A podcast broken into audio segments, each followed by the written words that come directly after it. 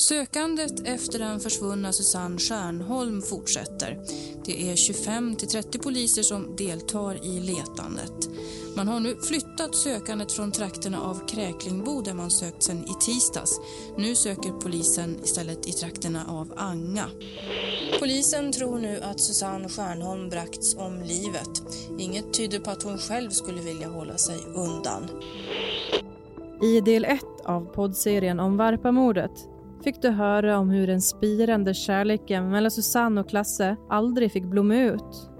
Måndagen den 9 oktober 95 åker de nyblivna samborna till Visby för att köpa inredning till deras lägenhet i Kräklingbo.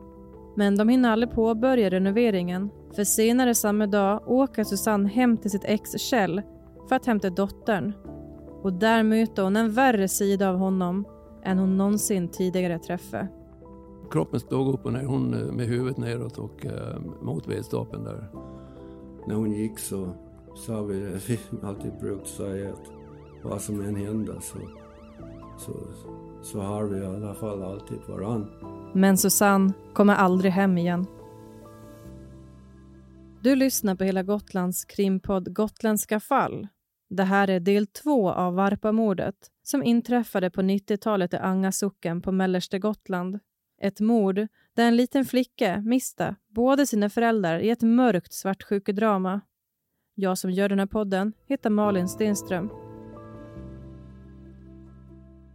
Eftersom både den mördare Susanne Stjernholm och hennes före detta sambo som anklagades för mordet inte längre är vid liv finns det antagligen ingen som vet exakt vad som hände den där oktoberkvällen 95. Deras gemensamma dotter ska ha befunnit sig i huset när mordet inträffar, men hon var bara ett år vid tillfället. Och inte heller polisen har lyckats reda ut vad som exakt hände den där kvällen. Men vi har pratat med flera inblandade och grävt djupare i ett tragiskt öde som kommit att påverka flera personer för livet. Hur nära kan vi komma mordet? Hur hittas kroppen? Och var det en ensam svartsjuk gärningsman? Eller finns det fler? Vi har försökt begära ut förundersökningen men vi nekas eftersom den omfattas av sekretess. En förundersökning blir offentlig först när den leder till åtal. Om den läggs ner, som i det här fallet, förblir den i princip sekretessbelagd. Så var det inte förr, men på senare år har sekretessen skärpts. Men vi har pratat med personer som läst förundersökningen och kriminalkommissarie Sune Jakobsson som ledde den och på så sätt kommit så nära vi kunnat. Så vi tar oss tillbaka till den 9 oktober 1995. Susanne har precis lämnat lägenheten i Kräklingbo. Hon är klädd i svarta jeans, svart t-shirt och en brun mockajacka. Hon sätter sig i bilen och kör mot huset i Anga där hon för bara några månader sedan bodde tillsammans med pappan till hennes barn. Susanne ska bara snabbt hämta dottern och sen åka vidare och möta upp sin pojkvän Klasse i Buttle. Hon ska bara åka några kilometer, men hon kommer aldrig iväg från sitt ex Kjell i Anga. För när hon är där möter hon en värre sida av honom än hon någonsin tidigare har träffat. Vad som utspelar sig på gården i Anga är ett hänsynslöst, rått mord. Mörkare än den värsta skräckhistorien. Susanne utsätts för brutalt våld mot huvudet. Men det är ändå inte det hon dör av, utan Kjell stryper henne till döds. Samtidigt sitter Klasse hemma hos brodern i Buttle och väntar otåligt. Efter ett tag åker han hem till lägenheten i Kräklingbo. Susanne måste ju vara där, tänker han. Han öppnar dörren. Där inne finns tapetrullarna som han och Susanne tidigare under dagen har köpt. Tapetrullar som vittnar om planen på en gemensam framtid.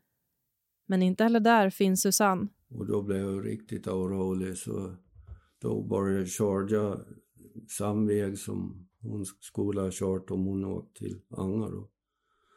Och let längs med vägen och kollade i diken och allt sånt där och var orolig. Efter det åker han förbi Kjells hus i Anga men varken Susanne eller hennes bil syns till. Så Klasse åker tillbaka till Kräklingbo, ringer Susannes familj och vännen Lena i stan, men ingen vet någonting. Mörkret och oktobernatten gör sig allt mer påmind och rädslan för vad som kan ha hänt Susanne kryper sig allt närmare. Så klockan två på natten åker Klasse in till polisen och en anmälan om en försvunnen person upprättas. Det var så overkligt. Jag vet inte, man var som ett vakuum. Alltså, om hon skulle ha blivit ledsen så, så skulle hon ju ha kommit till mig. Att någonting hade hänt, det förstår man. På Gotlands Tidningars första sida den 12 oktober 95 går det att läsa rubriken Susanne Stjärnholm försvunnen. Polisen misstänker brott. Då har hon varit borta i drygt två dygn. Bredvid rubriken syns en bild på en leende Susanne med blonderat hår. Hon kisar mot solen och man kan skymta att hon har på sig en sån där vit piké med Butler Varpa-klubbs logga. Precis en sån tröja som Klasse hade på fotografierna hemma hos honom. I artikeln står det 30-åriga Susanne Stjärnholm, känd varpakastare, är sedan i måndags kväll försvunnen från sitt hem i Kräklingbo. Polisen misstänker att hon blivit utsatt för brott och vill nu komma i kontakt med alla som har sett eller hört någonting. Susanne var klädd i svarta jeans, svart t-shirt och brun mockajacka. Dagen efter Susannes försvinnande hittar polisen hennes bil parkerad vid hamnterminalen i Visby, något som tidningen rapporterar om.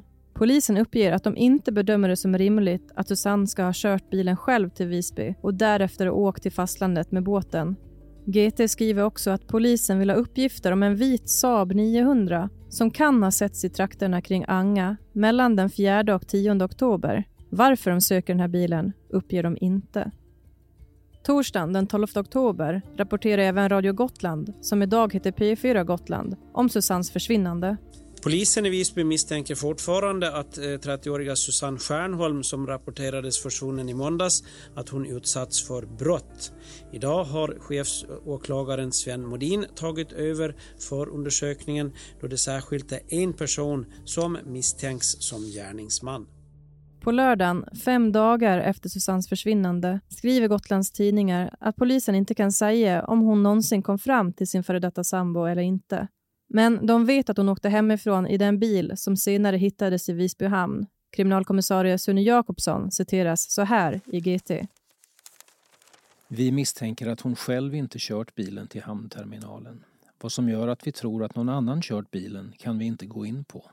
Idag är han pensionär, men 1995 var det han som ledde utredningen från polisens håll och han minns fortfarande händelsen väl när vi träffade honom för att prata om mordet 28 år senare.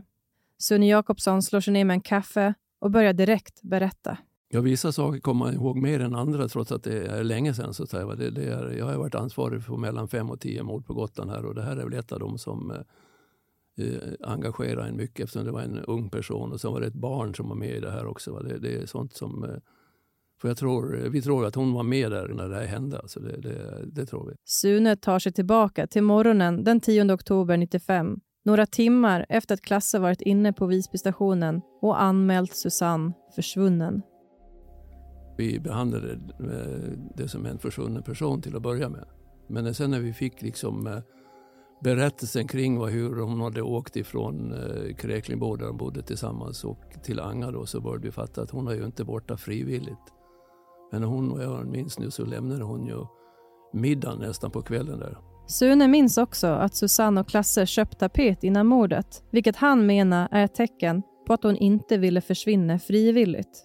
Vi pratar mycket om det, men hon kan ju inte vara borta frivilligt. Man gör inte så. Alltså det, det, ja, visst kan man göra så, men det är ologiskt att göra så när man sitter och äter mat och bara sticker iväg när någon ringer till en. Och man liksom eh, lämnar den planering man har gjort om det här med tapeterna som sagt var och, eh, och sen inte kommer tillbaka hem. Tidigt väcktes misstankar om att de inte kommer att hitta Susanne vid liv. För hon var ju så känd också, men hon var ju svensk mästare i Varpa. Hela Gotland visste i stort sett vem hon var. Och har de sett henne någonstans har de hört av sig till eftersom vi gick ut med i media och frågade efter henne. Det, frivilligt var hon inte borta naturligtvis. Det, det, det var vi ganska på det klara med tidigt. Va? Det, det, visst kan hon vara inlåst någonstans men eh, sannolikheten att hitta henne vid liv den minskar för varje dag. Klockan 16.20 på tisdagen alltså dagen efter Susannes försvinnande, beslutar Sune Jakobsson att inleda en förundersökning och rubricera händelsen som misstänkt mord. Ja, vi börjar naturligtvis som vanligt då eh, samla in så mycket information som möjligt i, kring de berörda anhöriga. Framförallt Klas-Göran pratade vi mycket med och även eh, hennes före detta då hade vi också kontakt med ganska tidigt i utredningen. Enligt Sune erkänner Kjell att Susanne har varit hos honom den här kvällen.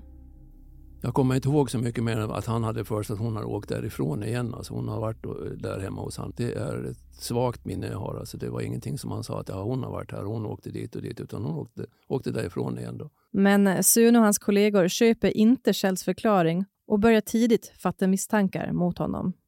Vi började ana att det här står inte rätt till. Alltså han är inte riktigt sanningsenlig här. Efter att händelsen rubricerats som ett misstänkt mord beslutar Sune att polisen ska hämta in Kjell till ett andra förhör. Så som Sune minns det jobbar Kjell nattskiftet på Cementa den här kvällen och de väljer därför att avvakta med att hämta in honom till onsdagen. Sen är det två poliser som åker dit ut och, och knackar på där. Och, eh, om det nu är på onsdagen så när de, det är ett tvåvåningshus det här och eh, uppe på övervåningen så finns det ett sovrum. Och när de här två poliserna står i, i trappen upp så hör de ett skott som, ifrån det här sovrummet om jag minns rätt. Här, så. Enligt uppgift sköt sig Kjell med ett avsågat hagelgevär så smällen blev kraftig. När poliserna kom in i sovrummet möttes de av en fruktansvärd syn.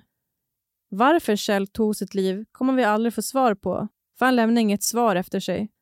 Kanske blev det för svårt för honom att leva med det han hade gjort mot Susanne, deras dotter och alla andra anhöriga så han såg det som den enklaste utvägen.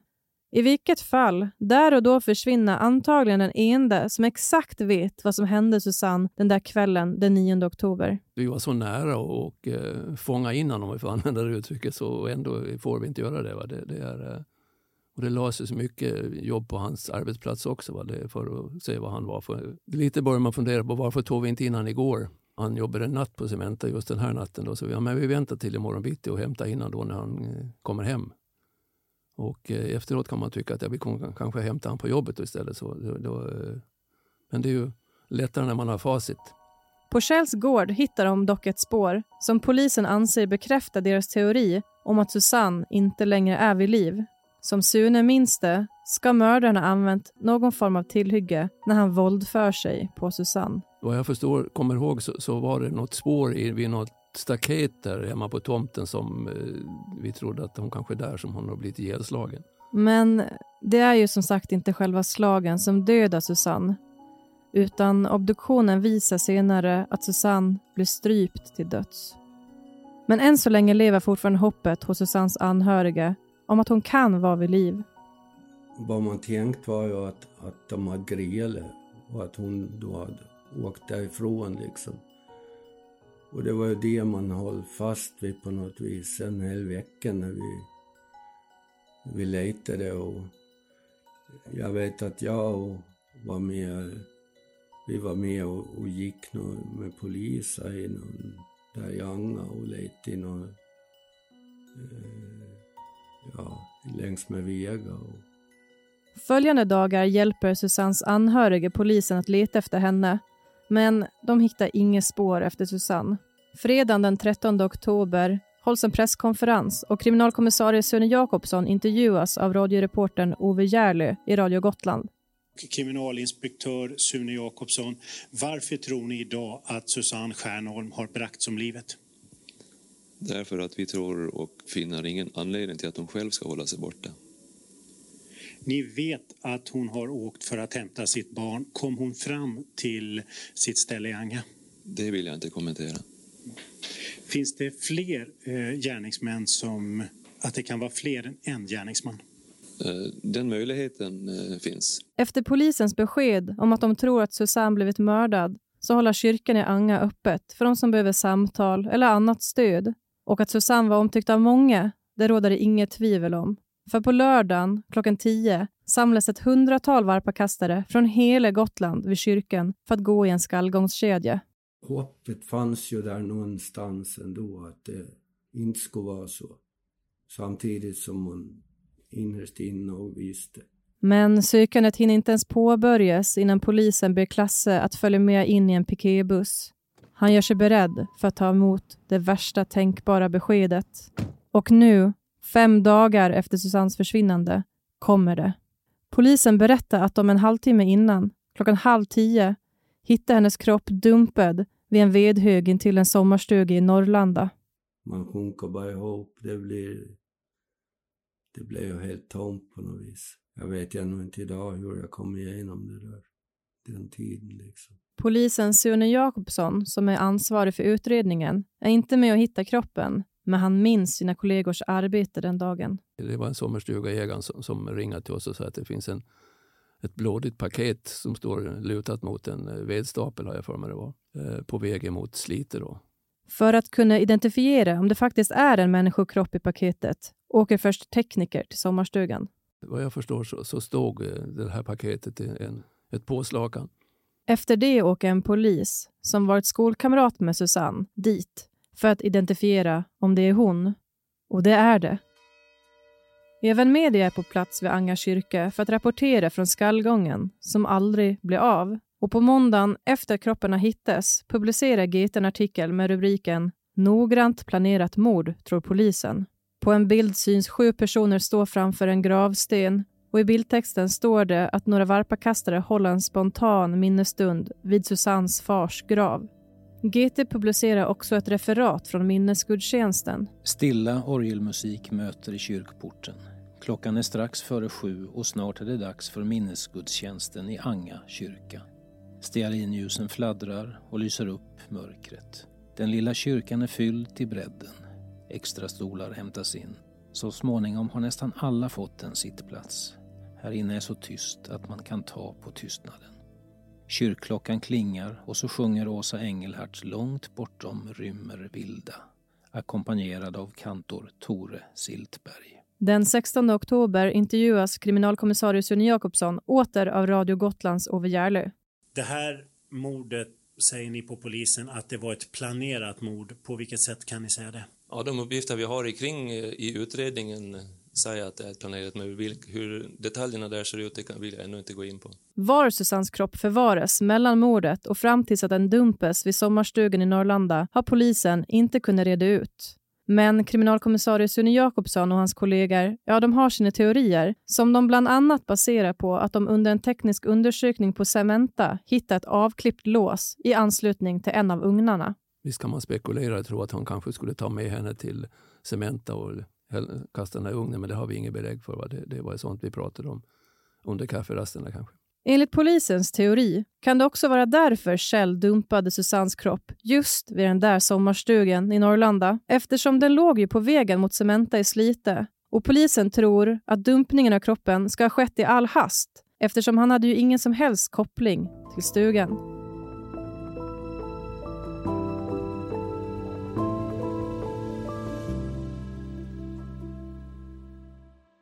Kroppen är nu hittad och den misstänkte mördaren är död.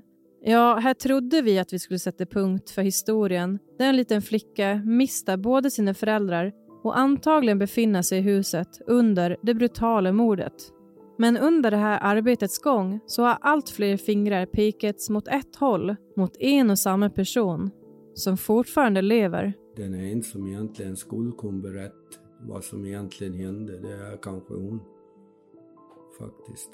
Vi har pratat med kvinnan, vars namn och röst vi har bytt ut, då hon är oskyldig enligt lagens mening. Och när vi får tag på henne så ställer hon gärna upp på en intervju för att äntligen få berätta sin del av historien.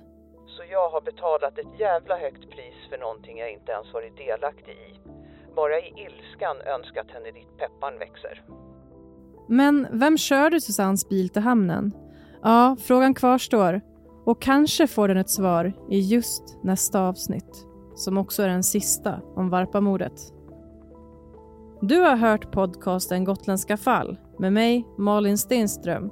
Producent var Demir Lilja och det här är en produktion av Hela Gotland